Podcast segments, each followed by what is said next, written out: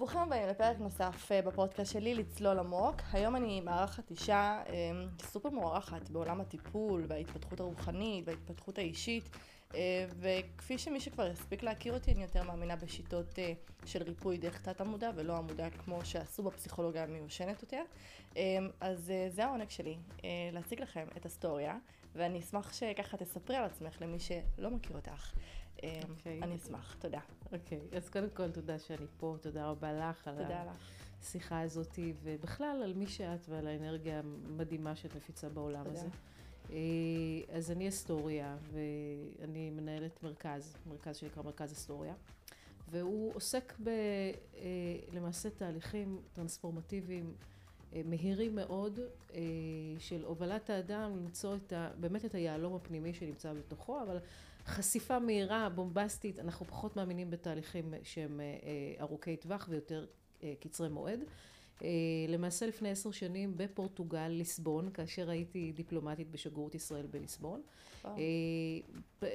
בכלל הייתי במקום אחר בחיים, פגשתי איזשהו שמן ספרדי, ככה למרגלות האוקיינוס האטלנטי, והוא היה, זאת הייתה פגישה מקרית, על סיפון של אונייה.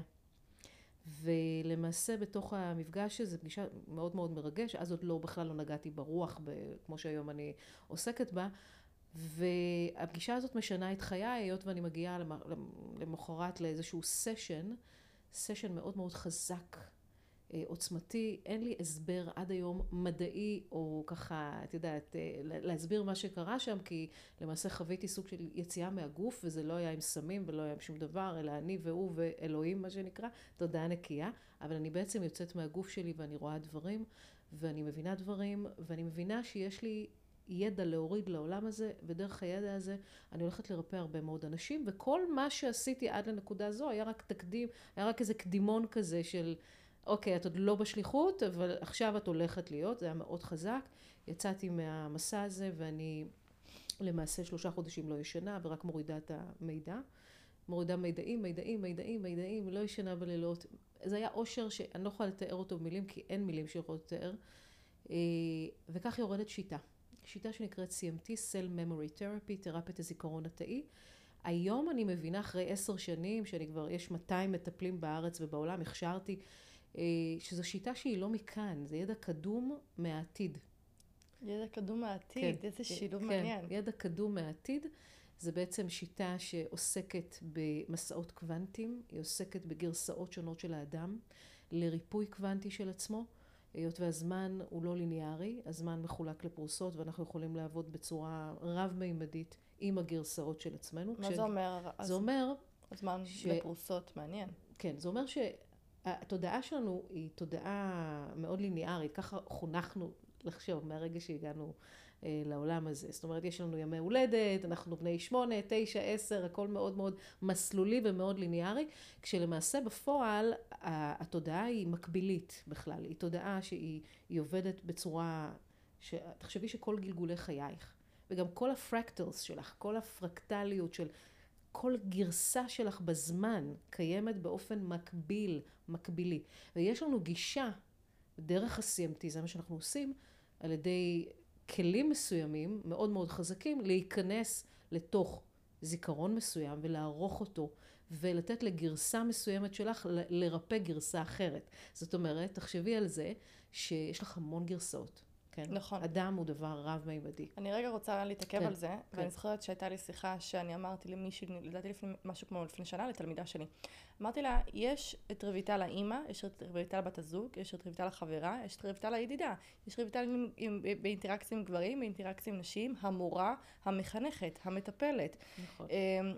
יש כובע, אני, אני שונה בכל, בכל כובע, וזה בסדר. נכון. אז היא אמרה, למה את לא יכולה להיות עם אותו כובע כל הזמן? את יודעת, כי זה לא טבע הנשמה. Mm, נכון. אני, אני באמת מרגישה שיש ימים מסוימים שאני הרבה יותר רוחנית, כן. ויש ימים שבהם אני לא. כאילו ביום אחד אני יכולה כן. לחוות כמה גלגולים. את מצליחה נכון. להבין את מה שאני אומרת? זה לא גלגולים כמו חלקים. כן. זה בעצם חלקים של, של מבנה האישיות שלך. כן, ו... ואני, ואני חושבת שאם אנשים יקבלו את סך החלקים שבהם, נכון. הם יהיו יותר מאושרים. נכון. כי אני חושבת שרוב העצבות אולי, או העייפות הנפשית היא, כי אני צריך לשמר איזושהי פרסונה נכון. זהה. וזה בדיוק המסכה.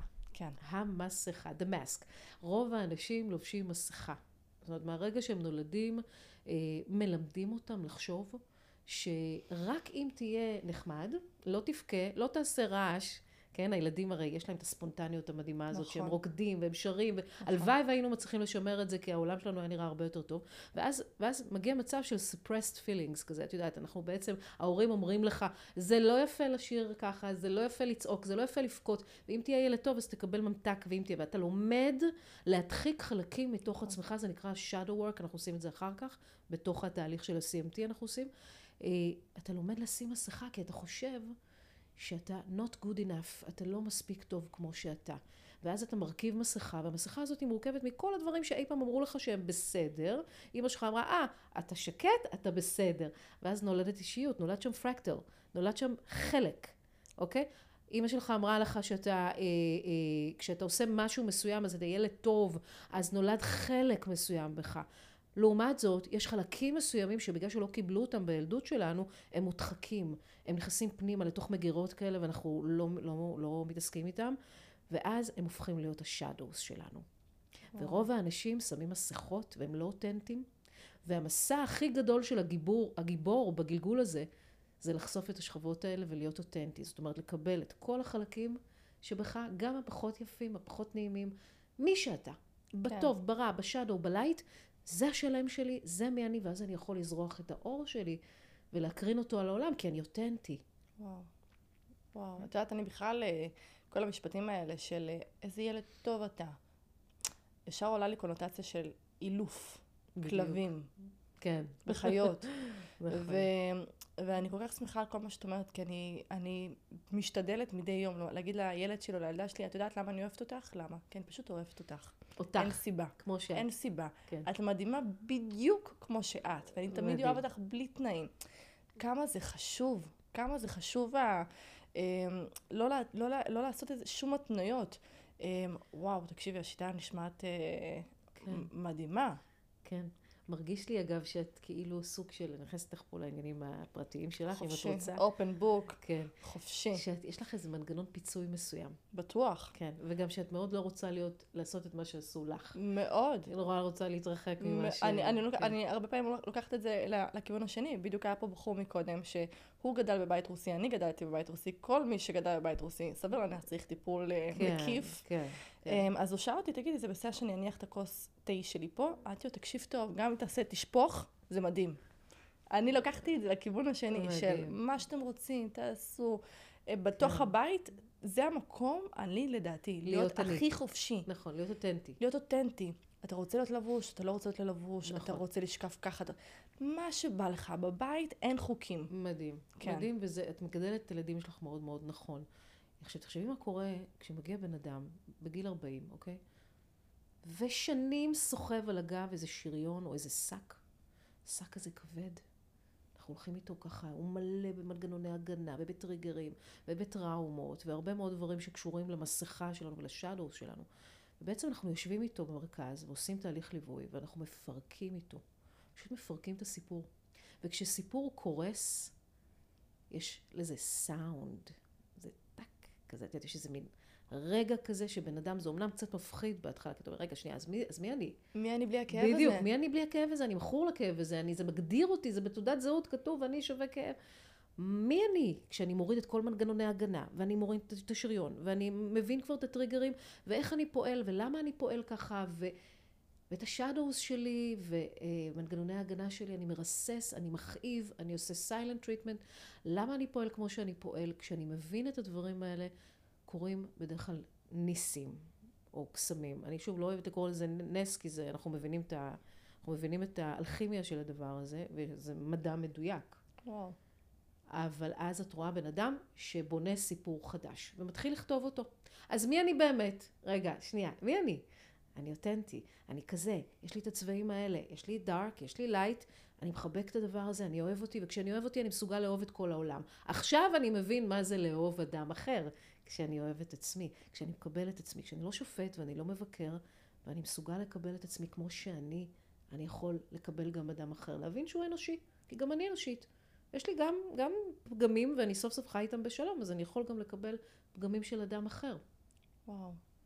את יודעת, אני שומעת אותך ועלה לי איזשהו עניין, שאני שמה לב, אצלי מתוך הקורסים אצלי, שיש, אה, הייתי אומרת, חמש אחוז מכלל התלמידות שלי, אה, שיש להם עניין עם נטייה מינית. Mm. ואני הגעתי לתובנה, ומעניין אותי לשמוע מה את אומרת על זה, שהרבה פעמים הם, הם, הם מרוב שהם בטראומה על הנטייה המינית שלהם, mm-hmm, mm-hmm. כי הם גדלו בבית אולי דתי, כי ההורים מאוד נוקשים, כי אף אחד לא פתוח לשמוע אותם, כי איך העולם ישפוט אותי, כי אני לא רוצה שחברות שלי פתאום יחשבו שאני נמשכת אליהם, לדוגמה. Mm, כן. אז אני חושבת שהרבה פעמים מרוב הטראומה שלהם, הן לא מצליחות רגע להבין למה אני באמת נמשכת, או מי אני באמת, או... את מצליחה כן. להבין את הנקודה שלי? כן, כן. שצריך כן. לשים לב, רגע, בואי בוא, בוא ננתק את כל הרעשים החיצוניים. כן. ואז באמת יש מקום ופניות להבין מי אתה במהות, בפנימית, בפנימיות שלך ליתר דיוק. נכון, נכון. כן. וזה דורש באמת איזושהי החלטה, כן? כשאצלנו כשנכנסים לתהליך אאורה, זה נקרא תהליך אאורה, ואנשים שנכנסים לתהליך הזה, הם לוקחים החלטה. וההחלטה היא לקפוץ deep diving, מה שנקרא. אני עושה סדר פסח במארגים הפנימיים שלי. אני לומד פעם אחת בחיים, כן, לא צריך לעשות אאורה יותר מפעם אחת, כי זה תהליך אה, עמוק. אז עושים את זה פעם אחת בחיים, וגם מה שהוא עושה, הוא מנתק אותך מתלות במטפלים חיצוניים, כדי שלא תצטרך מטפלים בחוץ. אתה הופך להיות המטפל של עצמך, כן. כדי לקבל את הכלים. עכשיו, בנוגע לנטיות מיניות, mm-hmm. זה באמת חלק מהגדרת העצמיות שלי. זה הבסיס. מיניות בכללה קשורה לצ'קרת הבסיס שלנו. הצ'קרה הראשונה והשנייה, אוקיי? כל מה שקשור לכסף, מיניות, אה, אה, יצירה. שלושת הדברים זה המשולש המקודש, זה יושב לנו כאן ברחם. שאלה, כן? אנשים יצירתיים הם בהכרח אנשים מיניים? שאלה טובה, זו שאלה טובה. בדרך כלל התשובה תהיה כן. Mm. אלא אם כן היצירתיות שלהם מסורסת. ואז באופן אוטומטי, כי זה משולש מקודש כזה, אם את מסרסת חלק אחד מתוך המשולש הזה, סירסת מיניות, סירסת גם את היצירתיות שלך, וגם סירסת כסף, את השפע. סירסת את השפע, סירסת מיניות גם. מה זה אומר סירס מיניות? זה אומר שיש בה חלקים שלא שלמים. שהם רוצים לקבל ביטוי ברמה המינית. בין אם זו תשוקה ארצית, או דווקא תשוקה רוחנית, גם רוחניות יכולה להיות מיניות. נכון. פשוט מיניות יותר גבוהה. אבל גם התשוקה הארצית, הצ'קה הראשונה, את יודעת, הבסיס שלך, כשהיא מחפשת לקבל ביטוי, מניפסטינג בעולם הזה, היא רוצה את הג'וסיות הזאת, את יודעת, התשוקה המינית הארצית זה ג'וסי.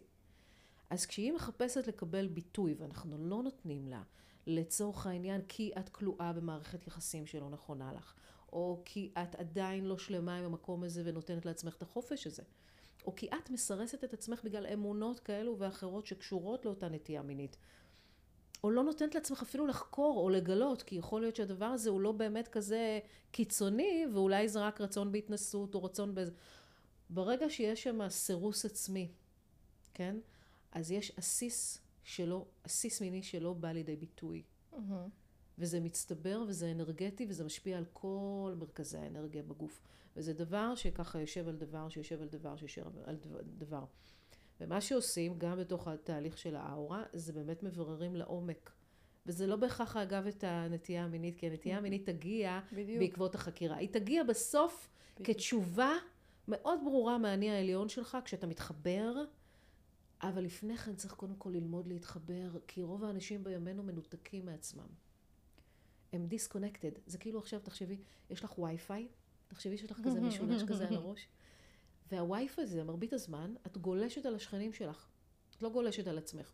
וואו, okay? אוקיי? כי אני לא בחקר עם עצמי, אני בחקר לגבי מה הם עושים, בדיוק, מה הם לא, קונים. לא רק זה. אז מה? גם, את שואבת את הערך העצמי שלך מבחוץ. נניח בחורה עם ערך עצמי נמוך, נכנסת לקשר עם בחור, והוא מפציץ אותה, ממלא לה את החור, את הבור, אומר לה, וואו, תקשיבי, את הכי יפה בעולם, את הכי חכמה בעולם. היא מקבלת ממנו המון המון, אה, ככה כזה מין סוג של love bombing, אוקיי?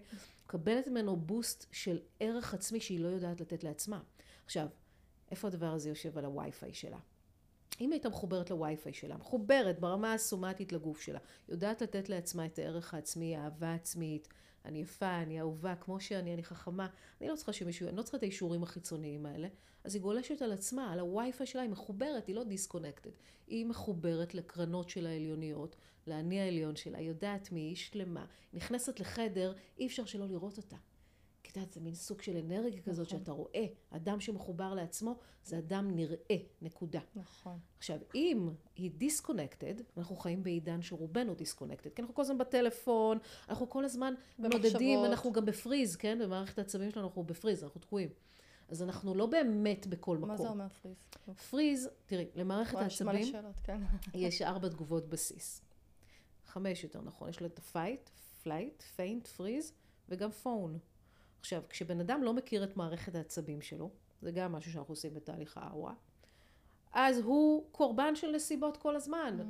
כי הוא לא מחובר לעצמו, הוא לא יודע מתי הוא עובר מ fight ל flight, איך הוא מגיב ב fight שלו, איך הוא מגיב ב flight שלו, האם הוא יותר, יש לו נטייה ל freeze, האם הוא קופא. אז ה fight זה אנשים שבדרך כלל, תראי שנקודת המוצא שלהם, זה לחץ להם על טריגר, טאק, הם תגובה. תוקפים. כן. תוקפים, ותוקפים חזק, עושים היפוכים, משליכים, חלקים שהם לא מקבלים בעצמם. flight זה אנשים שבורחים מעימותים, אוקיי? זה ה default שלהם. קודם כל, אני לא מתעמתת. אני בורחת, אני זה, אבל יש לזה גם מחיר. בטח. כי צריך ללמד אותם כן להתעמת, אבל להתעמת נכון. וגם את האנשים שמתעמתים צריך לדעת להתעמת ולשמור את המלחמות מחוץ לבית ולא בבית, ולדעת לבחור את המלחמות נכון. אבל לדוגמה נגיד פריז. זאת מערכת, גם כן תגובה של מערכת העצבים שלנו. כן. והתגובה של הפריז היא ברוב המקרים תגובה פוסט-טראומטית. אוקיי? זה כשאני דיסקונקטד, לא מחוברת לעצמי באמת. הילד מדבר איתי ואני לא איתו. אני עושה הכל על אוטומט. האוטומציה הזאת, Mm, זה אני רואה את הפריז. זה הרבה. אני רואה את זה הרבה. בדיוק, אני זה זה הפריז. הרבה. זה, אמא, איפה את? למה את לא פה? את באיזה דיסוציאציה. את מנותקת, את לא פה באמת, את עושה את הדברים. את מכינה אוכל, את מקלחת, את עושה, אבל את לא. זה נקרא דיסוציאציה, וזה חלק מהתגובות של הפריז, של מערכת העצבים. תתארי לי מישהי שהיא כן. פה. איך היא מתנהגת. כשאת פה, אז קודם כל את בדיאלוג עצמי בלתי פוסק. את מדברת לעצמך המון. זה האנשים האלה שמדברים לעצמם. כן. שהם אגב גאונים, כן? מי שמדבר לעצמו, הוא גאון, לא להתבייש בזה, זה בסדר, את הולכת בזה, דברי לעצמך קצת, הכל טוב. עכשיו, קודם כל, את, את מחוברת, את מחוברת לגוף. כשאת מחוברת לעצמך, את מחוברת לגוף שלך. אם הגוף שלך מזהה סימנים של סטרס, של פחד, לא נעים לי פה, כן נעים לי פה, זה, הטיפוס הזה מרגיש לי לא קיבוץ. אני מתכווצת, אני מתרחבת, נעים לי באנרגיה הזאת, לא נעים באנרגיה הזאת, אני מחוברת לגוף, אני פה, אני קונקטד. מהמם. אוקיי? כשאני קונקטד, אני הופכת להיות יצור שהוא מה שנקרא אלוקי, רב-מימדי. וואו. כי את כמו איזה מין חיה, שיש לה ראש של חיה, אבל גוף של אישה. כן. כאילו האינסטינקטים שלך זה אינסטינקטים של... הישרדותיים. מצד אחד, כאילו, את יודעת, כמו איזה טייגר כזה שחור, ומצד שני, את אישה. עכשיו, החושים שלך הופכים להיות סופר חדים כשאת קונקטד, כי האינטואיציה מובילה אותך. נכון. מבינה? זה קונקטד. את, מדהים. את כאילו מחוברת, מקבלת מידע, כן, לא. מתרחב, מתכווץ, אני יודעת מי אני, וואו. אוקיי? אני לא צריכה שתגידי לי שאני מדהימה. כן. אני לא צריכה שתגידי לי שאני יפה, אני יודעת את זה. זה קונקטד. דיסקונקטד זה, וואי, איזה יפה את, איזה מדהימה את, את פשוט אחת החכמות. מה, באמת? אתה באמת חושב ככה? טאק, הכנסתי לעצמי עכשיו עוד קצת boost לערך העצמי, אבל זה ממלא, זה שקרי, זה לא אמיתי, זה לא נשאר שם. תני לי לשאול אותך שאלה. כן. קרה לך פעם שדיברת עם מישהי והיא צוחקת? רק, רק צוחקת כל? מהתגובות? כן, מנגנון הגנה. מה זה המנגנון הגנה הזה? flight. אוקיי. זה בריחה. חוסר התמודדות עם משהו. את לא יכולה להתמודד, אז את, את תצחקי, כי את לא מסוגלת לקחת את זה סיריוסלי. את לא מסוגלת להכניס את זה פנימה, אוקיי? ולהכניס פנימה זה אומר, אני שומעת מה אומרים לי עכשיו, יש דברים אולי לא נעימים, יש דברים איזה, אבל אני, אני שומעת את זה פנימה, אני מכניסה את זה. מסוגלת לבוא ולהגיד לבן אדם שמולי, אוקיי, תודה, אני מתקפת את זה. אני לא צוחקת לך ולא לוקחת את זה, לא מכניס... הרי מה זה צחוק? צחוק זה כאילו, אני לא באמת מכניסה, אלא אם כן זה צחוק ממקום של באמת אנחנו מספרות לא, בדיחות. לא, לא, כאילו, אה, ליברן, הא, הא, הא. כן. כזה? אוקיי, כן, כאילו, בצחוק. אני בהיריון, איך, איך את בהיריון? כן, לא אני, מישהי. כן, כן. לא אני. אני, רגע, יש לי שתיים. אוקיי. אבל אני אומרת, נגיד מישהי שהיא אמרה לי, אני בהיריון, ואמרתי לה, אה, וואו, אה, כן, אני בהיריון, אה, עכשיו, כאילו כל כן, דבר, כן, צוחקת. חוסר התמודדות. חוסר. התמודדות, וזה כל הזמן. כן. וזה זה עובר מתישהו? זה יכול גם להיות בגיל 50 ככה? כן, וואו. כן, זה יכול להיות גם אדם שחיים שלמים יהיה ככה. אם הוא לא בוחר להתעורר, אז הוא חי ליד. הוא ליד החיים, הוא לא בתוך החיים. כי זה הכל כזה, אה, אה, אה, אה, סבבה, איזה כיף, הכל נחמד, אבל אני לא באמת, באמת מחוברת. אני לא באמת כאן, כן. אוקיי? זה זה. את חושבת שבגלל האסון שהיה ב-7 לאוקטובר, אנחנו רובנו נמצאים בפריז? בטח. וזה בדיוק מה שרציתי להגיד לך, שמאז השביעי באוקטובר אנחנו מדינה בפריז. כן. מדינה בפריז. אנשים כרגע, שימי לב, גם בעסקים, לא מבזבזים כספים. הם באיזה סוג של hold on כזה, לא יודעים מה יהיה, יש איזה חוסר ודאות, את לא יודעת מה יהיה מחר, הולכים למלחמה כוללת, לא מלחמה כללית. מה קורה פה, כן? עכשיו, גם התקשורת לא, את יודעת, לא מרחמת עלינו, וכל הזמן מפמפמת תכנים שהם תכנים מאוד מלחיצים ומפחידים את מערכת העצבים. כן. כי מערכת העצבים לא נועדה להכיל כל כך הרבה כאב ופחד וסטרס, ומה יהיה מחר. תראי, אני גם חושבת על החיילים שנמצאים שם, אני אומרת לעצמי, בואנה, זה כל היום להיות במצב הישרדות כל על. הזמן. של כל שנייה לראות אם מישהו יורה בי, וכל היום לשמוע... לא רק זה, החיילים נורא מסכנים, כי הם, הם באיזשהו סוג של משחק פסיכולוגי של האליטות. אכזרי מאוד. למה? כי מצד אחד, הצד השני עושה כל מיני פעולות של, אה, כמו בסרטים האלה של נטפליקס, את רואה את זה, כאילו מבלבלים אותם פסיכולוגים, שולחים להם בובות שמדברות בעברית, קול של ילדים, כן? אה, הם לא יודעים. זה שלנו, זה לא שלנו, אני יורה עכשיו במחבל, או שאני יורה עכשיו בכלל בחטוף.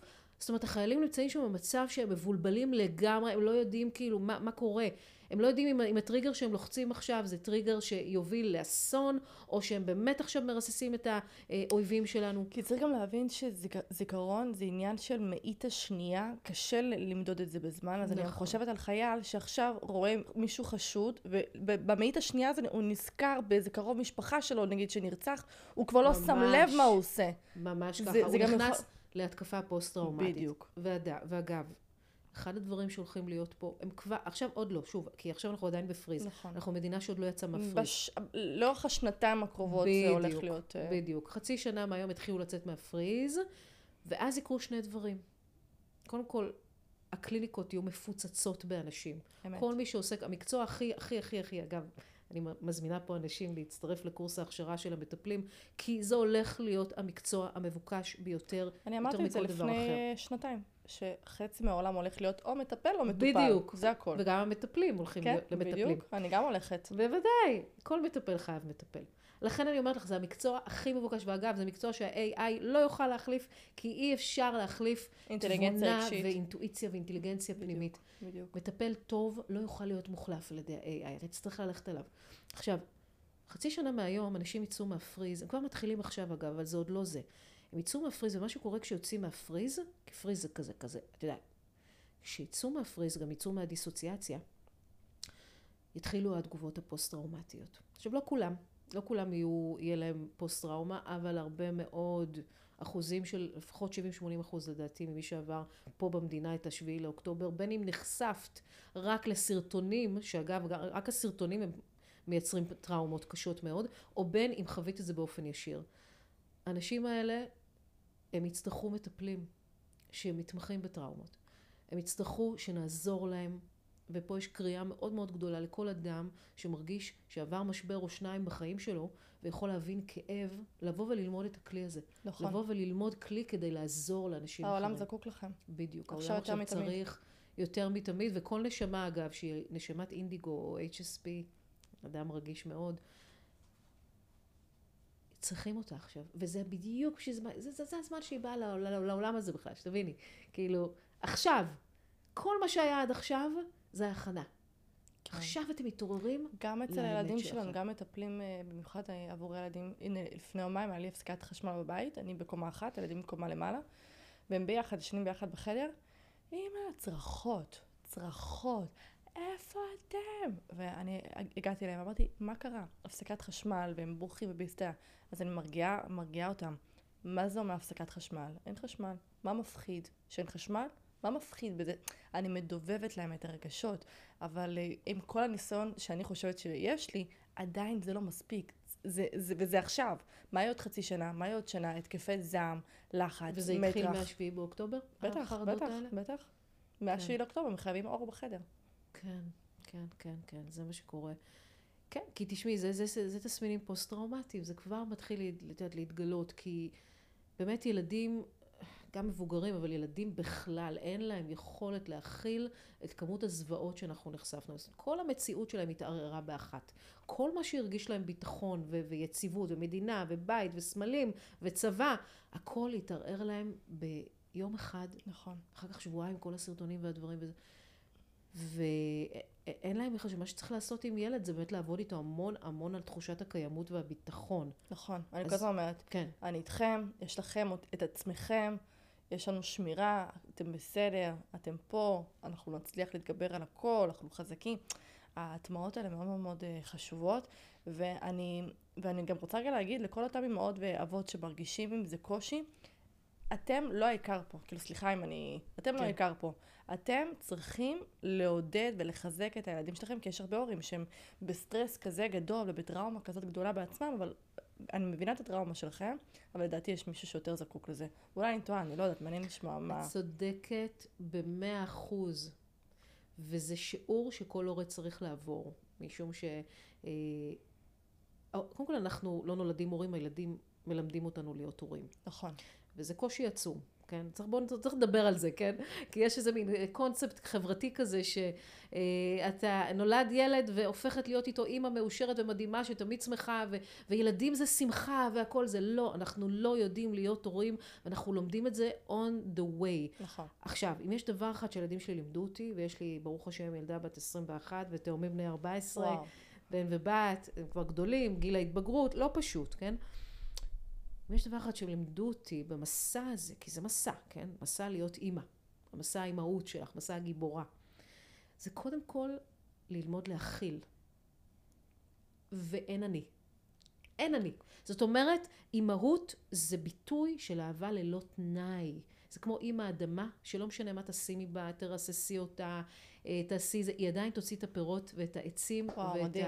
זה אהבה ללא תנאי. מדהים. אנלוגיה וכש- מדהימה. בדיוק. ועכשיו תחשבי שאנחנו, הטעות הכי גדולה שלנו זה שאנחנו באים אליי אנשים ואומרים, הילד שלי לא רואה אותי, הוא לא מבין אותי, הוא לא מכבד אותי. ילד לא אמור להבין ולכבד אותך, את אמורה להבין אותו. את אמורה להכיל אותו. את אמורה להיות בהתבטלות. זה דוגמה לאהבה ללא תנאי, כאשר את לא באמת קיימת, את רק צינור של הזנה. זה כמו בורא עולם ובן אדם. הוא נמצא פה כדי לתת לך את כל השפע של העולם הזה, רק תקבל, כן? רק תקבל. בורא העולמות, העולמות שלנו. עכשיו, כשאישה באה ואומרת לי, אני בכסח עם הילדה שלי, כי היא לא מבינה אותי, היא רק באה אליי בטענות, היא רק זה, אז אני אומרת, אוקיי, יש משהו בדרך שבה האישה הזאת מתקשרת עם הבת שלה, שהיא לא מבינה עדיין את העיקרון של להיות אימא. בדיוק. בדיוק. הבת שלך לא אמורה להבין אותך ולהכיל אותך, אין לה את הכלים, אין לה, היא ילדה. את אמורה לעשות עבודה מספיק עמוקה כדי להבין שאת פה כצינור של הכלה ואהבה ללא תנאי. וכן, כן, זה נשמע רע, אבל התבטלות. נכון. כי את לא רוצה, יש דבר נגיד ש- שהורים נורא מפחדים ממנו. הילד שלי התבגר, עזב את הבית, הוא לא רואה אותי יותר, לא אכפת לו ממני, כן? זה משהו שהורים תמיד אומרים. ואני רוצה להגיד לך משהו אחר. הילד שלך, אם הוא לא מדבר איתך הרבה, עשית עבודה מצוינת. וואו. משום שלימדת אותו להיות אדם בזכות עצמו, אדם חזק, אדם שהוא לא תלותי, הוא לא צריך כל דבר לרוץ לאימא. כי הרבה אימהות יוצרות תלות בכוונה, וזה משהו מאוד רעיל. כשאת כי הן יוצרת לא תלות... מקבלות את זה מבן הזוג שלהם. בדיוק. אז הן ממלאות איזשהו חוסר אצל הילדים. ואל תעזבו אותי, אל תשאירו אותי איתו לבד. אז גם בגלל זה גם הרבה נשים בנות 30, 35, 40 לא מתחתנות. איך אני אעזוב את אימא שלי ואת אבא שלי? אז אני, אני הרבה פעמים תופסת תלמידות שלי, אני מסתכלת להן בלבן של העיניים ואני, ואני אומרת להן את הדבר הבא: ההורים שלך היו מספיק אגואיסטים כדי לעזוב את ההורים שלהם ולהקים בית, גם את צריכה להיות אגואיסטית. נכון, נכון. והמקום הזה של באמת אה, אה, אה, באמת לבטל את עצמך ולתת לילד, לתת לילד רגע שנייה את ההכלה שהוא צריך, את ההקשבה שהוא צריך. ואם הילדה לא מבינה אותך, א', אין לה כלים, וב', כנראה שמשהו בדרך שבה את מתקשרת, תקשורת היא רעילה. כן. היא לא לחלוטין בטוחה, היא לא, היא לא סקיור. כן? כן. ואני אומרת, הילדים, התלות הזאת שאנשים מייצרים בילדים שלהם, בין אם זה במכוון או לא במכוון, אני אקנה לך דירה, אבל איפה שאני אחליט. אני אממן לך את הלימודים, אבל אתה תלמד מה שאני, מה שאני רוצה. זה רעיל, נכון. זה רעילות, כי זאת שליטה. לייצר תלות בילד זאת שליטה רעילה, כי זה אומר שאת לא יכולה להיות לבד. את בעצמך כאימא לא מסוגלת להיות לבד. אם את תופסת את הבן שלך, הוא כבר ילד מתבגר, כן? והוא כבר רוצה לצאת ולהכיר בנות, או שהוא כבר בחור צעיר, וכל בת שהוא מביא הביתה, לא, היא לא בשבילך, היא לא זה, היא לא זה. זה רעיל. נכון. ואת תצטרך ללמוד לשחרר. וואו, את יודעת, אנשים, אנשים ישמעו את זה ויגידו, מה, אבל אני רוצה לטובת הבן שלי, איך את אומרת דבר כזה? נכון, נכון, כי זה, זה שינוי תפיסה. לימדו אותנו לחשוב שילדים צריכים לכבד אותנו, לא- להיות כל הזמן תלותיים ולהתקשר אלינו כל הזמן, כי אם לא הם ילדים רעים, ולא רק זה, אנשים משתמשים בעונשים קשים כנגד הילדים שלהם, וצועקים עליהם, ולא זה, ואיך איך, איך בכלל ילד יכול להתפתח כשכל הזמן רק מסרסים אותו ולא... כל הקונספט של הורים וילדים צריך להשתנות, אף אחד לא מלמד אותנו את זה בבית ספר, נכון. וצריך ללמד הורות. במקום ללמד כל מיני תחומים שאין לנו שום צורך בהם אחר כך. את יודעת, באמת בשביעי לאוקטובר היינו יותר בבית ביחד, משפחה, סבא, סבתא, אה, בני דודים, היינו ככה אצלנו בעיקר בבית בשבועיים הראשונים. ולאורך השבועיים האלה שמעתי המון שאומרים לבן שלי, אל תעשה את זה, תפסיק לרוץ, תפסיק רעש, תפסיק... ואז אמרתי, הלו, הלו, אני מתחיל... כי את יודעת, אני גם בפריז, ואז כשלרגע היה לי יציאה מהפריז, אמרתי, היי, אתם לא מעירים לו כל היום, כי אני רגע אני- הבנתי איך זה מרגיש שכל היום מעירים לי על איך שאני מתנהגת, אבל זאת מי שאני. אמרתי. אתם מפסיקים להעיר לו, וזה המקום הכי בטוח עבורו בעולם. ולכן הוא צריך. להתנהג פה איך שהוא רוצה להתנהג. נקודה. ואני באמת באמת חושבת גם, אגב, שאנשים, נשים, גברים, במיוחד בתקופה הזאת של המלחמה, צריכים מאוד להיות קשובים לילדים שלהם. מאוד מאוד מאוד מאוד. לשים לב לשינויים בהרגלים. נכון. ואני גם חושבת, אגב, שהנושא הזה, רגע, פתאום פשוט, פשוט קופץ לי כזה לראש, הנושא של הנטייה המינית, נפלה לי כן. התובנה שסביב גיל שמונה עד עשר, הייתי אומרת, צריך להיות אה, איזה שהם אה, סיפורים מיניים מהילדים. כן. כמו, אמא, הוא משך לי בשיער, או זה ילד חמוד, או זאת אה, ילדה שאני מדבר איתה הרבה. צריך להיות שם איזשהו שיח. וילד שלא מדבר ולא משתף, סימן שיש לו שם עניין לא פתור. נכון. אז מתפקידם של ההורים לבוא ולדבר עם הילד שלהם מאוד מאוד מאוד חשוף, ובכלל אני רגע רוצה לזרוק פה איזשהו משהו, שאני לא מבינה הורים שמתביישים לדבר על מיניות עם הילדים שלהם. להזכיר לכם איך אתם הבאתם אותם לעולם? נכון. זה יש פה גם עניין של לא מדברים על זה. יש, נכון. פה, יש פה באמת אה, איזשהו חסר ספר הוראות, אין לי משהו נכון, אחר להגיד. נכון, כי צריך איזה איזון בין להיות מחנך ללהיות הורה. פה יש גם בלבול אצל הרבה מאוד אנשים. אני מחנך, אני חברה של הילדה שלי, אני אימא שלה, מה זה אומר? איפה אני מוצאת את עצמי בתוך הדבר הזה, מה כן? האידיאל עבורך בדיוק, בעינייך? כי, כי אם את חברה יותר מדי של הבת שלך, גם חצית גבולות, זה גם לא נכון. אם את מחנכת מדי וזה, אז הילדה לא תרגיש מספיק אה, בנוח בכלל לספר לך משהו, כן? כי את כל כך אה, שמה אותה בתוך איזה רובריקות כאלה שצריך לעשות ולא לעשות. ו... אז מה זה באמת התפקיד הזה? עכשיו מצד אחד אני אומרת ברמה ההתפתחותית שלנו כנשמות, ילדים זה מראות. זה מראות נהדרות, חזקות, קשות מאוד לפעמים, כן? לא מהמם. פשוטות, של חלקים בנו, כי הילדים שלנו זה אנחנו. זה כן. פרקטלס שלנו. זה ממש כל מיני תכונות שבנו, לפעמים הסכמנו לקבל אותם, לפעמים לא הסכמנו, שאנחנו רואים אותם בילדים, ואז איך תכעסי על הילד שלך? הרי היא בדיוק כמוך. כאילו, היא, היא את בגיל 18, היא גרסה שלך. עכשיו, מה היא מלמדת אותך, הבת שלך בדרך כלל? היא מלמדת אותך, קודם כל, לצאת מהתפיסה שאת הסנטר של העולם הזה, כי את לא. את נמצאת בשביל בן אדם כל כולך ומבטלת את עצמך. במקום אחד בחיים, את לחלוטין בשביל מישהו אחר. מהמם. ואגב, זה מתחיל עוד בהיריון. כשהעובר למעשה יונק מאיתנו את האוכל שלנו. זאת אומרת, שתביני שאפילו אם את. בתת תזונה, אפילו את בתת תזונה, קודם כל האוכל ילך לעובר. הוא ימצוץ ממך את כל החיות, כן? אחר כך מה שיישאר זה לאימא. זאת אומרת, יש איזה משהו פרזיטי בדבר הזה, זה קצת כן. קשה להבין, אבל זה לא. זה לא, כי הרבה פעמים אמהות אומרות, מה, הילד שלי לוקח ממני הכל, מנצל אותי, אה, חי על חשבוני ולא מתייחס לזה. זה המהות של ילד. אני חושבת שזה, ש, שזה גם המהות בעולם. אני חושבת שהבסיס לחרדות ופחדים זה כשאני שמה את עצמי במרכז העולם. נכון. והיציאה מהחרדות והפחדים זה דווקא להיות משמעותי ובעל ערך עבור אחרים. אז ילד בסופו של דבר מציג את ה... במיקרו, את איך שאתה אמור להתנהג בעולם הזה, את התפקיד שלך בעולם הזה. נכון. באיזשהו אופן. לגמרי. וגם בעצם נותן לך לראות את האחר. שזה תכונה, אגב, שאנשים שככל שהם ב-self-preservation, כן? שהם בשימור עצמי, שהם באיזושהי תגובה פוסט-טראומטית, או שהם נרקסיסטים, או שהם uh, באיזשהו self-center כזה, שהם לא רואים אף אחד. דווקא הבחירות שלהם בילדים שלהם, כן נשמות, כי זו בחירה נשמתית. הוא בחר באותה נשמה, ואותה נשמה בחרה בך. דווקא הבחירה לפעמים תביא ילד מאוד מאוד בעייתי, ושקשה לו להתמודד. למה? כי הילד הזה בא להראות לו שאין לו במקום הזה יותר סיכוי לא לראות אדם אחר. הוא לא יכול לראות רק את עצמו. ולא רק זה, יש לפעמים בחירה נשמתית, וזה גם משהו שראיתי בתוך הקליניקה, נניח של אישה שהתשוקות והיצרים שלה מאוד מאוד ככה ארציות, והיא יכולה לעשות דברים שיחבלו לה, יחבלו לה במשפחה, יחבלו לה ב...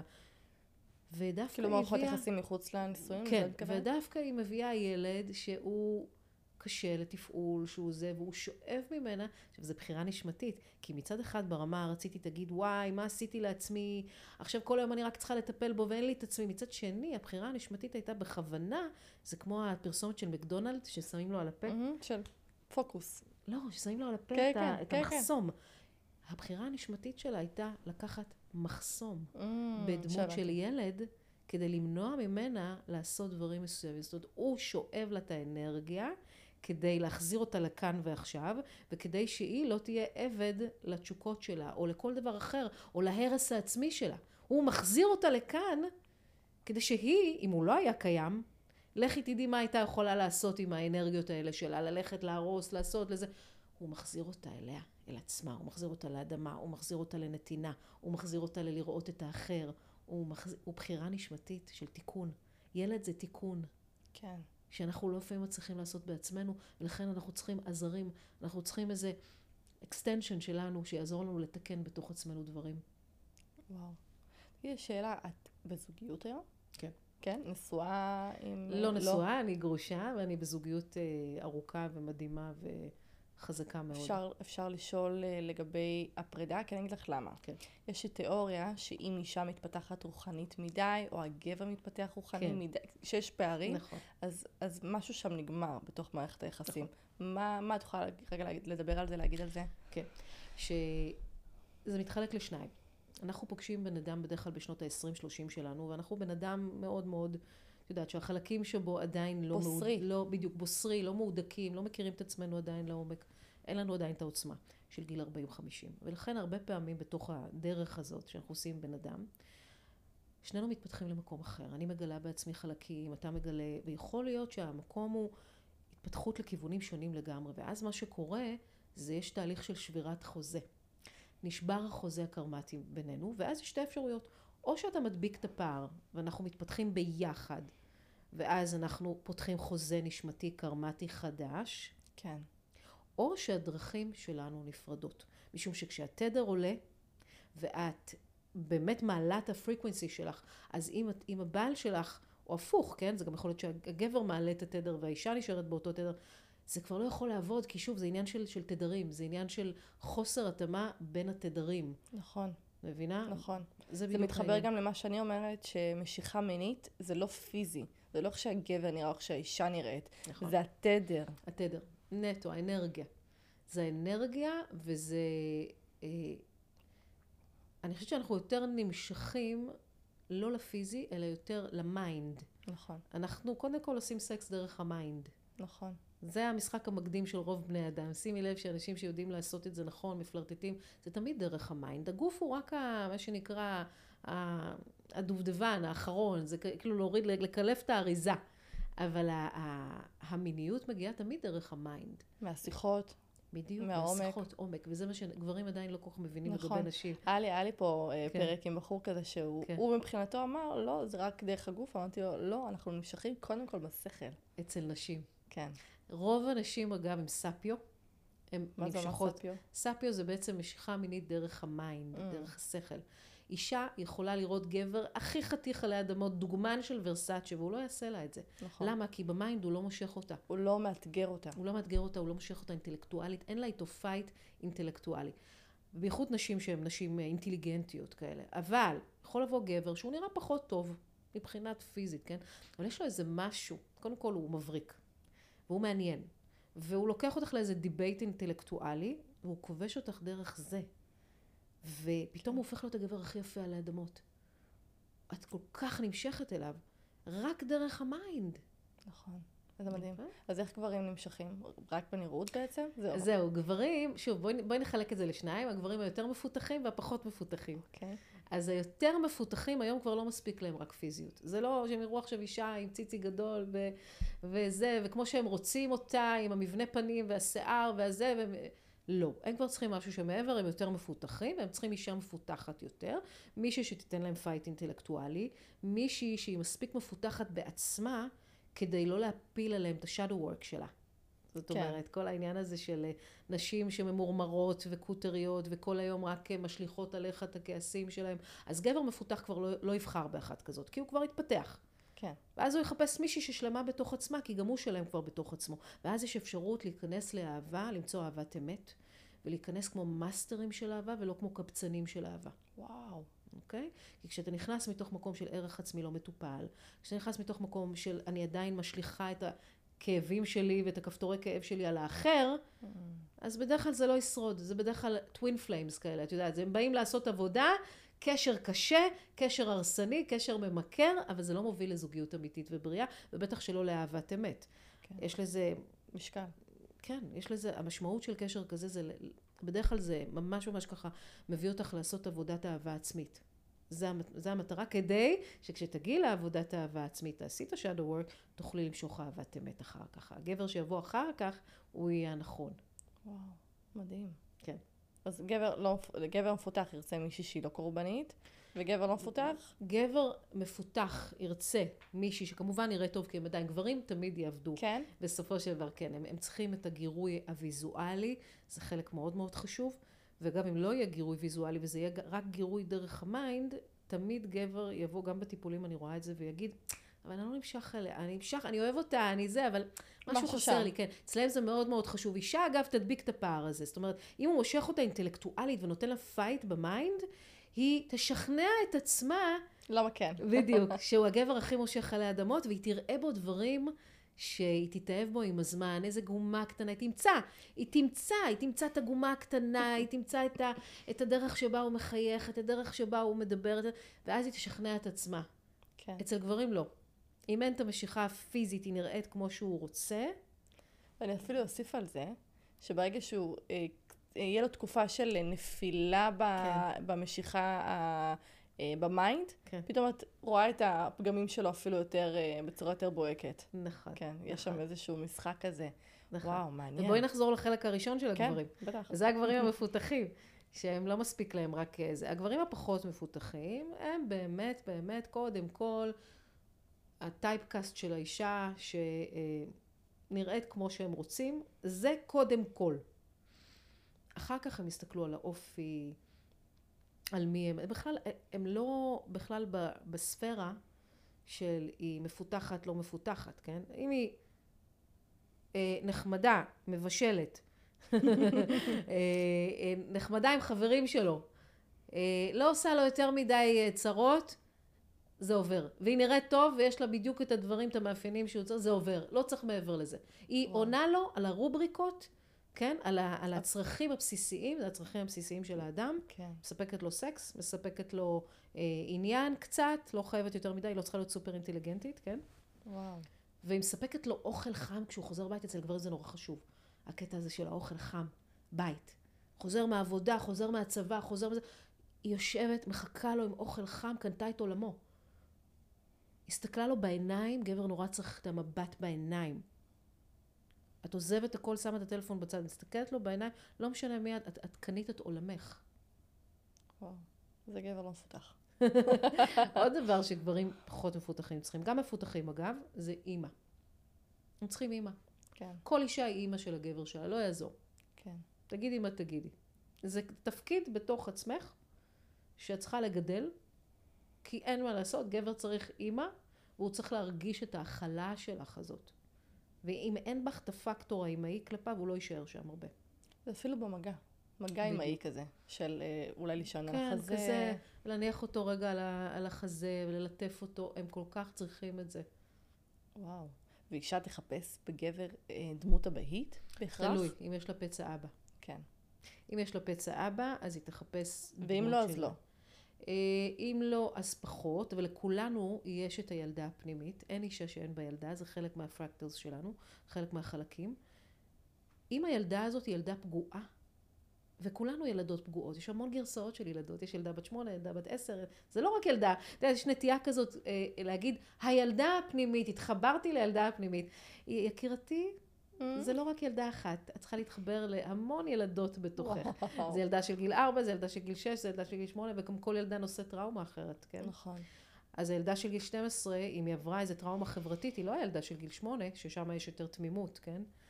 אז וואו, כמה זה נכון. זה כל כך מורכב, את מבינה כמה זה מרובד? כי זה רמת מודעות. בדיוק. וכשיש עכשיו, רמת מודעות גבוהה יותר, הכאב יותר גדול. בדיוק. עכשיו, תחשבי מה אנחנו עושים ב-CMT. נניח שהגרסה שלי היום, אני בת 47, הגרסה שלי היום מספיק מפותחת, כן? לבוא ולפגוש את כל הילדות שהייתי, ולתת לכל אחת את המענה שהיא צריכה.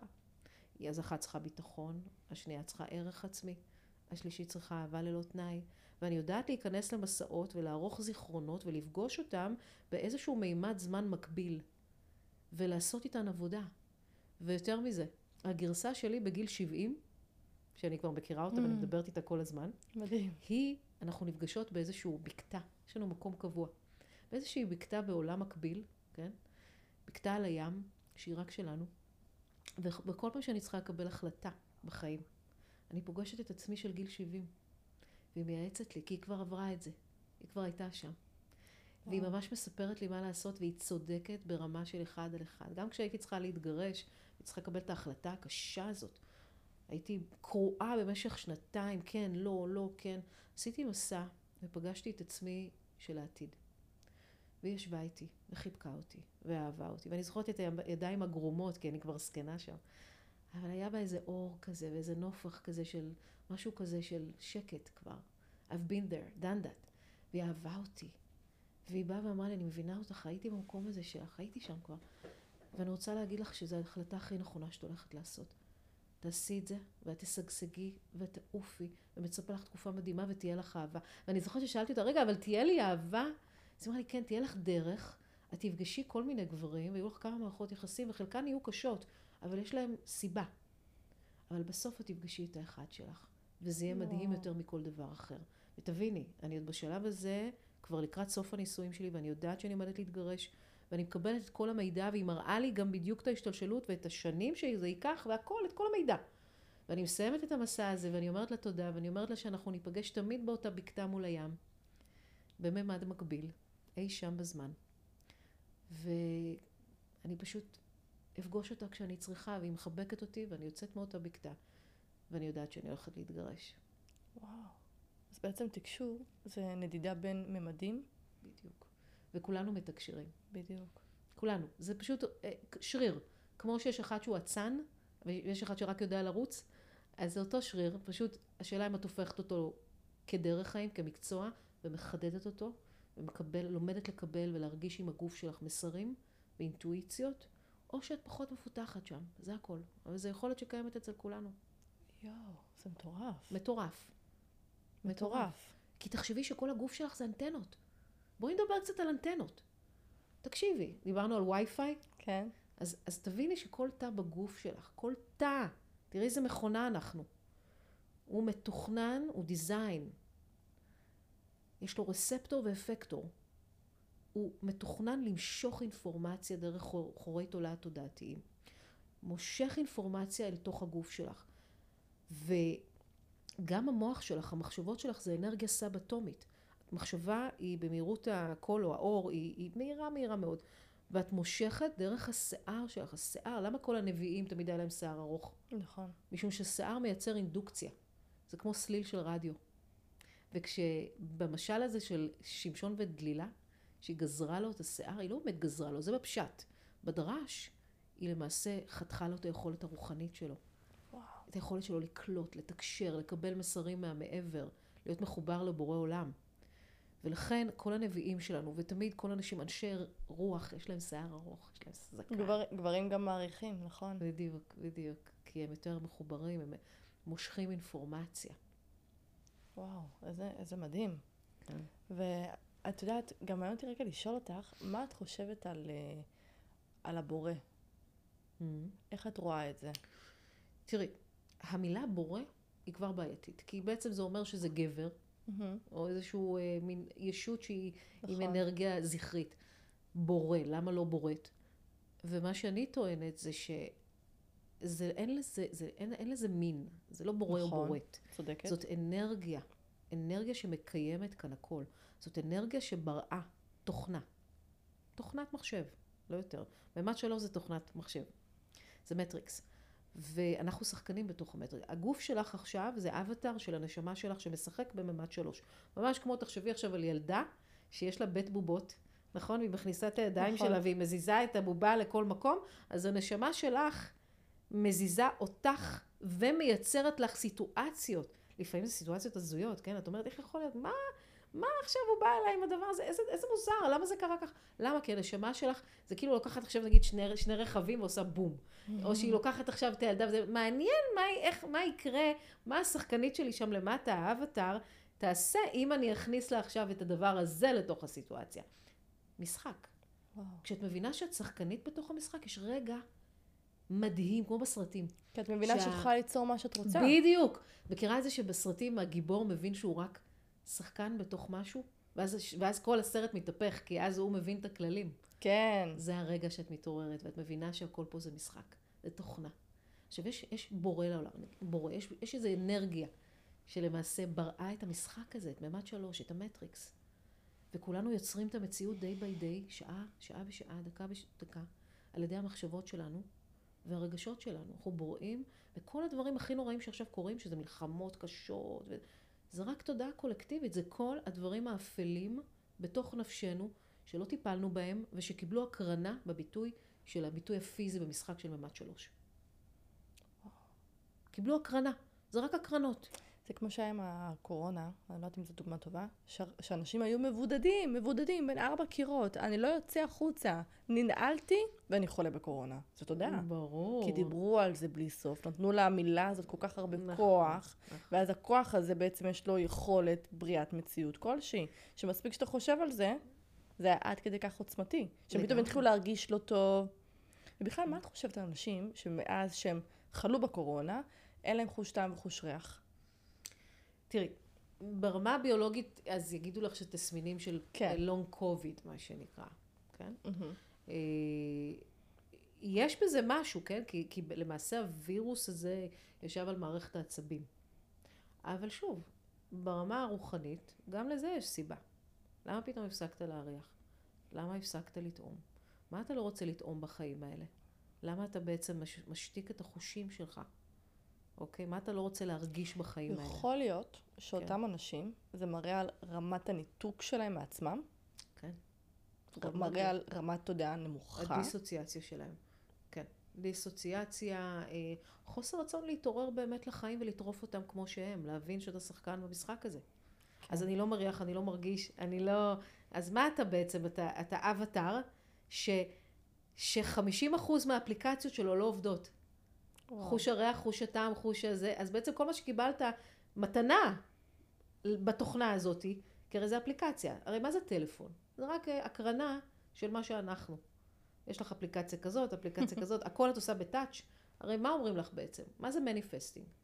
manifesting זה הרגע שבו אצבע האדם, כמו הציור של מיקלאנג'לו, אצבע האדם נוגעת באלוהות ובוראת מציאות. אז בעצם ב touch אם את עושה manifesting, נכון, בריאת מציאות, נכון, לפי האלכימיה של בריאת מציאות, את בוראת כל מציאות שתרצי, כשאת נחשפת לאלוהות שבך. כן. את מבינה שאת שחקנית פה, ואת מבינה שאת בוראת את התוכנה הזאת כל הזמן. אז מה זה טלפון? טלפון מראה לך, ברמה הפיזית הכי פרימיטיבית, שמה שאת רוצה את לוחצת בלחיצת יד והוא קורה. כל מידע שאת רוצה, כל זה, אבל זה רק הקרנה של מה שאת באמת, שקיבל ביטוי במשהו פיזי. ומה זה השטקר של הטלפון? מחברת אותו לחשמל, נכון? מה השטקר של האדם? אדמה. כשאת עומדת על האדמה זה השטקר שלך, כי האדמה היא מעריקה אותך. היא לוקחת ממך את היונים החיוביים ומתאינה אותך ביונים שליליים. כל צרה שיש לך, לכי לאדמה, שבי בלי נעליים עליה, עליה והיא לוקחת ממך את האנרגיות האלה. נכון. חזרנו שוב לאימא. נכון, אימא אדמה. שרק נותנת. בדיוק. וואו, מדהים. כן. זה, תקשיבי, השיטה שלך היא... חשבתי שהיא אה, די ברורה ודי אה, כזה בסיסית, אבל עכשיו שאני שומעת, אני מבינה שגם זה על רגל אחת, אני מניחה. לגמרי. וואו, זו שיטה מדהימה. כן. מדהימה לריפוי טראומות, נכון? לגמרי. לריפוי זיכרונות, אה, כמו שאת גם אומרת, לדבר עם האני העתידי שלי לגבי דברים עתידיים, זה מדהים. מטורף. תחשבי כמה כוח זה נותן לאדם, שיש לו יכולת להתייעץ עם עצמו בממד העתיד. אין תלות באף אחד. אף אחד. את לא צריכה מטפלים, את לא צריכה קוראים בקפה, את לא צריכה שזה יגיד לך את זה, את לא, את כל כך ב-totally freedom. את בחופש מוחלט בהוויה שלך. ואת אדם או יצור מאוד מאוד עוצמתי. את יודעת מה נכון לך, איך נכון לך, מי נכון לך, איזה אנרגיה את כן מכניסה לחיים שלך, איזה אנרגיה את לא, אבל זה רמות מאוד גבוהות של חיבור עצמי. וואו, נכון. צריך להיות מחובר לעצמך. אני חושבת שלאהוב את עצמך או להיות, להיות, להיות מחובר לעצמך, זה לדעת על עצמך כמה שיותר דברים. נכון. מה אני אוהבת ללבוש, איזה בגדים יפים לי, איזה צבעים אני אוהבת, איזה אוכל אני אוהבת, איזה... ככל שיש לך רשימה יותר ארוכה כן. לגבי עצמך, נכון. את גם יודעת מה לאהוב. זה, זה אפילו עוד יותר עמוק מזה, כי את מכירה את המשפט know thyself, לדעת את עצמך. זאת אומרת, זה הכלי החשוב, זה מה שבעצם הנשמה באה לעשות. הנשמה יורדת לעולם הזה כדי להכיר את עצמה. זה המטרה, זה המהות שלה. לכן היא מזמנת מראות, אין אנשים, כן? זה כולם מראות ושיקופים. היא מזמנת לעצמה סיטואציות כדי להכיר את עצמה בכל מיני סיטואציות, גם בהיפוכים. פעם אני כזה, פעם אני הגנב, פעם גונבים ממני, פעם אני אונס, פעם אונסים אותי, פעם... כל הזמן להכיר את עצמה בסיטואציות פרקטליות שונות. ו... זה בעצם, זה העניין הזה של לדעת מי אני, זה מה שעושה תהליך האאורה אצלנו במרכז, זה אתה לומד במשך שלושה חודשים מי אתה. וכשאתה לומד מי אתה, וזה לא רק מה אני אוהב ללבוש, מה אני לא אוהב ללבוש, שמלה, לא שמלה, אלא זה יותר, מה זה מערכת העצבים שלי, איך היא מגיבה? מה אני כשאני ב fight? מה אני כשאני ב flight? יש לי freeze בכלל? איך אני כשאני ב freeze? למה אני מרססת אנשים בכלל? למה אני אומרת את הדברים? איפה, איפה יש חלקים בי שאני מסרבת לקבל? וואו. זה ממש ממש, זה עבוד, היכרות. עבודת שורשים. שורשים, בדיוק. עם עצמך. שורשים. בדיוק. כי את לא יכולה רוחנית. לרפא שום דבר באמת, זה יהיה רק קוסמטי. נכון. אם את לא עושה עבודת שורשים. וואו. אם את לא נכנסת פנימה. אם את לא הולכת לכל הגרסאות של עצמך. זה לא רק להיכנס לילדות. אנשים עושים טיפול פסיכואנליטי והולכים לטיפול פסיכולוגי, ואוקיי, אז בואו נדבר קצת על הילדות, אבל זה הרבה יותר עמוק מזה. מה שלוקח בטיפול פסיכולוגי, תקשיבי טוב, לעשות חמש שנים, mm-hmm. ב-CMT לוקח לעשות ארבעה מפגשים, חמישה מפגשים. אני, אני מאמינה לך. אני התחלתי, אני התחלתי את הדרך שלי בעולם הטיפול בתואר ראשון בפסיכולוגיה. ומקורס לקורס הבנתי שפסיכולוגיה באיזשהו מקום משמרת את הבעיה, ולא נותנת לבן אדם להתמודד כמו לנבור בה שוב ושוב ושוב. בדיוק. וככל שנוברים במשהו, לדעתי גם הכאב גדל. נכון, כי את חיה בעבר. בדיוק, את חיה בעבר, והדבר הכי גרוע שיש זה לחיות בעבר, וגם בעתיד. צריך את הכאן, את הכאן ועכשיו. וכשהתחלתי לראות את העולם, להכיר מקרוב את העולם תת-המודע, כמו תת ההילינג, כמו השיטה שלך, C, CMT, CMT, NLP, כל השיטות האלה, אמרתי, אוקיי, זה מה שעובד. תת המודע, על זה צריך לעבוד. כן. לדוגמה, גם אצלי, כשאני מלמדת נומרולוגיה, אני כן מדברת על, ה, על הבית שבו גדלת, על הילדות, על החיים אה, הקודמים שלך, הגלגולים הקודמים שלך, ולאן את מתקדמת, לאן את הולכת, איזה דרך את הולכת לעשות, מה את צריכה להכיר בעצמך. יש המון גם עניין של אני עם הפנים קדימה. נכון. ובפסיכולוגיה אני עם הפנים אחורה כל נכון. הזמן. נכון. הפסיכולוגיה בעצם אומרת לך, תחפרי בעבר כדי לקבל תשובות על ההווה. ונגיד אדלר, אז מה שונה CMT למעשה משאר השיטות? אז אדלר אומר לך, אל תנברי בעבר, אנחנו בכלל לא מתעסקים בעבר, אנחנו רק בהווה. לעומת זאת ה-NLP מתעסק ברובד הקוגנטיבי, ה-Theta Healing זה הרובד האנרגטי יותר. נכון. ה-CMT הוא בעצם שילוב שלוקח את כל הדברים, אבל שוב, הוא לא נובר בעבר, כי אנחנו נכנסים כמו ניתוח כירורגי. כן, אנחנו לא לדברים נוברים, ספציפיים. דברים, מוצאים את, הז, את הזיכרונות, כן, ממש עושים עבודת חיפוש, מוצאים את הזיכרונות הטראומטיים, ונכנסים in and out כמו מנתח. מהמם. מנתח, נכנסים in and out. וזה ה-CMT, בגלל זה היא קצרת מועד, ובגלל זה היא לא צריכה שנים של טיפולים. והיא כן נכנסת לעבר, עושה את זה כירורגית ויוצאת, והיא מסוגלת לברוא עתיד, היא מסוגלת לעשות manifesting. זאת אומרת, לברוא זיכרון שלא קרה מעולם. כי כשאנחנו בוראים עתיד, אנחנו עדיין בוראים זיכרון. רק שזה זיכרון שלא קרה. וואו. אנחנו בוראים את העתיד על ידי זיכרונות שלא קרו עדיין. כי אנחנו רואים אותם, מקודדים אותם, עושים manifesting, מרגישים שזה כבר קרה, וזה כבר הופך להיות זיכרון. ואז התת מודע מושך את המציאות הזאת פנימה. זה הכל. איזה מדהים. את יודעת, עכשיו שאת את גם מדברת, עולה לי רגע תובנה אחת, שלי יש קושי אדיר עם ריחות. שאני יכולה ממש להריח ריח, נגיד מישהי תחבק אותי, וכל היום יהיה לי מיגרנות מהריח. כי את רגישה, highly sensitive person. אוקיי. אה, אדם זה- ההגדרה. לאיש אה, רגיש מאוד. כן. תראי, מה זה האפליקציה של הריח, כן? היא משהו שמראה חיצונית על משהו פנימי מאוד עמוק. את אדם מאוד רגיש, ואני בטוחה שאת רגישה בהרבה מאוד תחומים. מאוד. הריח הוא רק. קצה הקרחון שלך, של הרגישות, אוקיי? זה דווקא בא ממקום, אגב, של אה, משהו גם... חייתי אפילו. את מריחה הצלחה. את מריחה אהבה. גם, את מריחה אה, מקום שלא טוב לך. את מריחה אנרגיה. נכון, את לא מריחה ריח. נכון, וזה חושים חייתיים. נכון. מבינה? אני חושבת שזאת גם אחת הסיבות שאנשים אולי כאלה, אני לא אדבר על עצמי, הם יכולים להיות מטפלים מאוד מאוד מאוד טובים, כי גם אם אני לא חוויתי את מה שה- שאת עוברת, אני יודעת איך זה מרגיש. אני לא יודעת איך, אני יודעת איך זה מרגיש. אני יכולה להבין איך הרגשת באותו רגע, ואני חושבת שהרבה פעמים הריפוי הכי גדול עבור מטופלים, זה שיש מולי מטופל שיודע להבין לפחות 90 אחוז את, הח... את החוויה שלי באותם רגעים. כי מה שקורה, אני מרגיש שאני לא לבד בעולם, וכשאני לא לבד בעולם, אני, יש לי איזושהי בשלות להתקדם קדימה מהטראומה.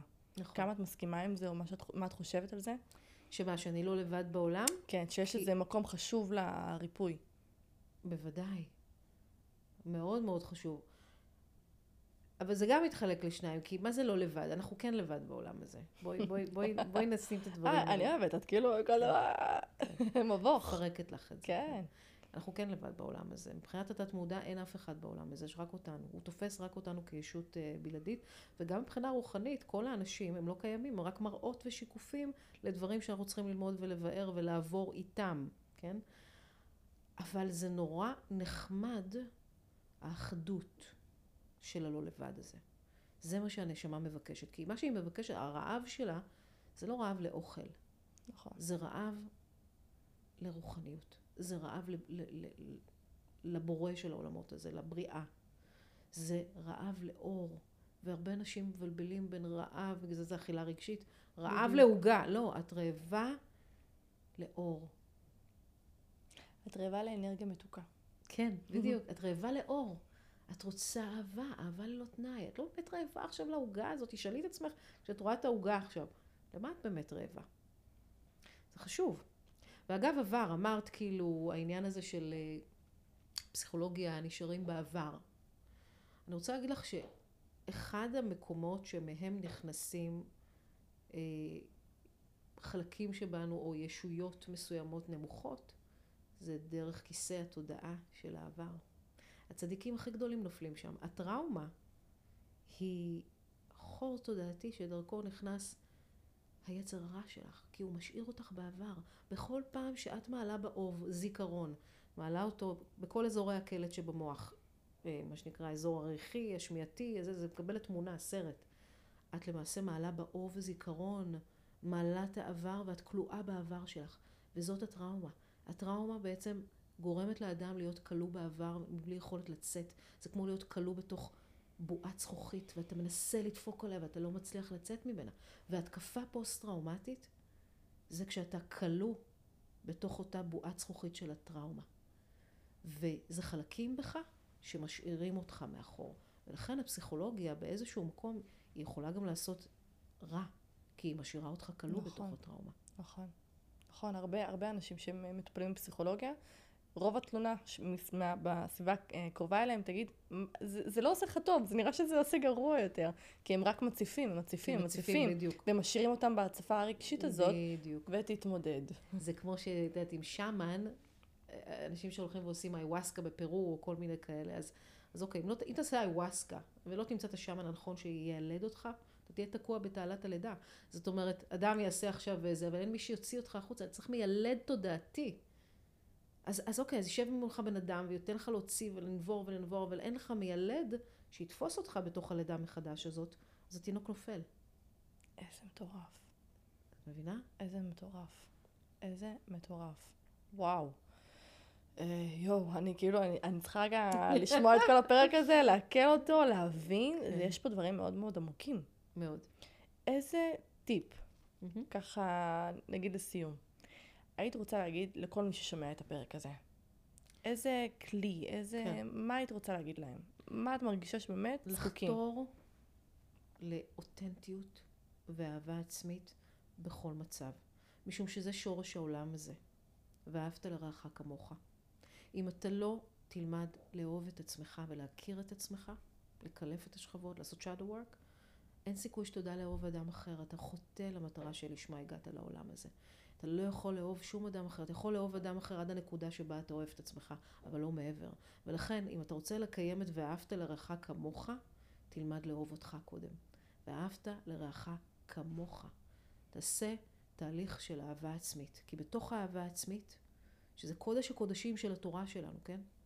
אתה תלמד מי אתה. תלמד לאהוב את החלקים שבך, ועקב כך תוכל לקיים את ואהבת ולאהוב אדם אחר, לחמול, לסלוח, לא לבקר ולא לשפוט, כי אתה לא מבקר, לא שופט וחומל על עצמך, כי אתה אוהב את עצמך. וואו, מדהים. אני רוצה גם להגיד משהו שאני אישית מאוד מאוד מעריכה. זה, אני אוהבת, כאילו אין לי משהו נגד אף אחד, כן? אבל אני יותר מעריכה, אה, או יותר מתחברת ליתר דיוק, לאנשים שהם סופר רוחניים, אבל אין להם את הצורך של אה, אה, להשתמש בלוק של בוא נחזיק ידיים, אנרגיה שמחבקת, אם את מבינה מה את מתכוונת? כן. כאילו, כי את מאוד רוחנית, מאוד. יש בך רבדים, אוקיינוס של ידע רוחני. כן. אבל אני גם אוהבת לראות שאת מאוד. מקועקעת, מאוד נכון. ארצית. אני, אני מתחברת לזה מאוד. נכון. מה הסיבה שאנשים, וזו אולי שאלה לסיום, מה הסיבה, כן. מה הסיבה שאנשים מחפשים איזושהי דמות רוחנית שהיא נראית מאוד uh, כמו מנותקת מהעולם? זה נקרא מעקף רוחני. מעקף רוחני זה אומר שאת אה, לא באמת מתמודדת עם הדברים, אלא מחפשת כל מיני דברים של וואנאביז כזה.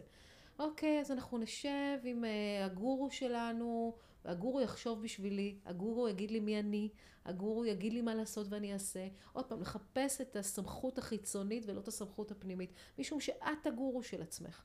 ואת המטפלת של עצמך, ואת השמאנית של עצמך. רק בואי תעשי תהליך ותגלי את עצמך קודם. כן. את לא צריכה אף אחד מבחוץ, כי אף אחד לא באמת קיים. כן? וואו. עכשיו, כל העניין הזה של הסימבוליקה הזאת, של בואי נלבש לבן ונשב ונעשה אום, כי ככה צריך, זה עטיפה חיצונית למשהו שהוא שטחי מאוד.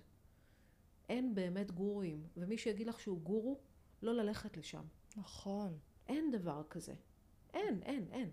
יש נכון. אותך שבוחרת לי הייתה תקופה... גרסה של עצמך כן. מראה של עצמך מפותחת יותר, אני זאת את, את זאת אני, ואת פשוט שומעת ממני דברים שאת יודעת אותם כבר, וגם אני ממך.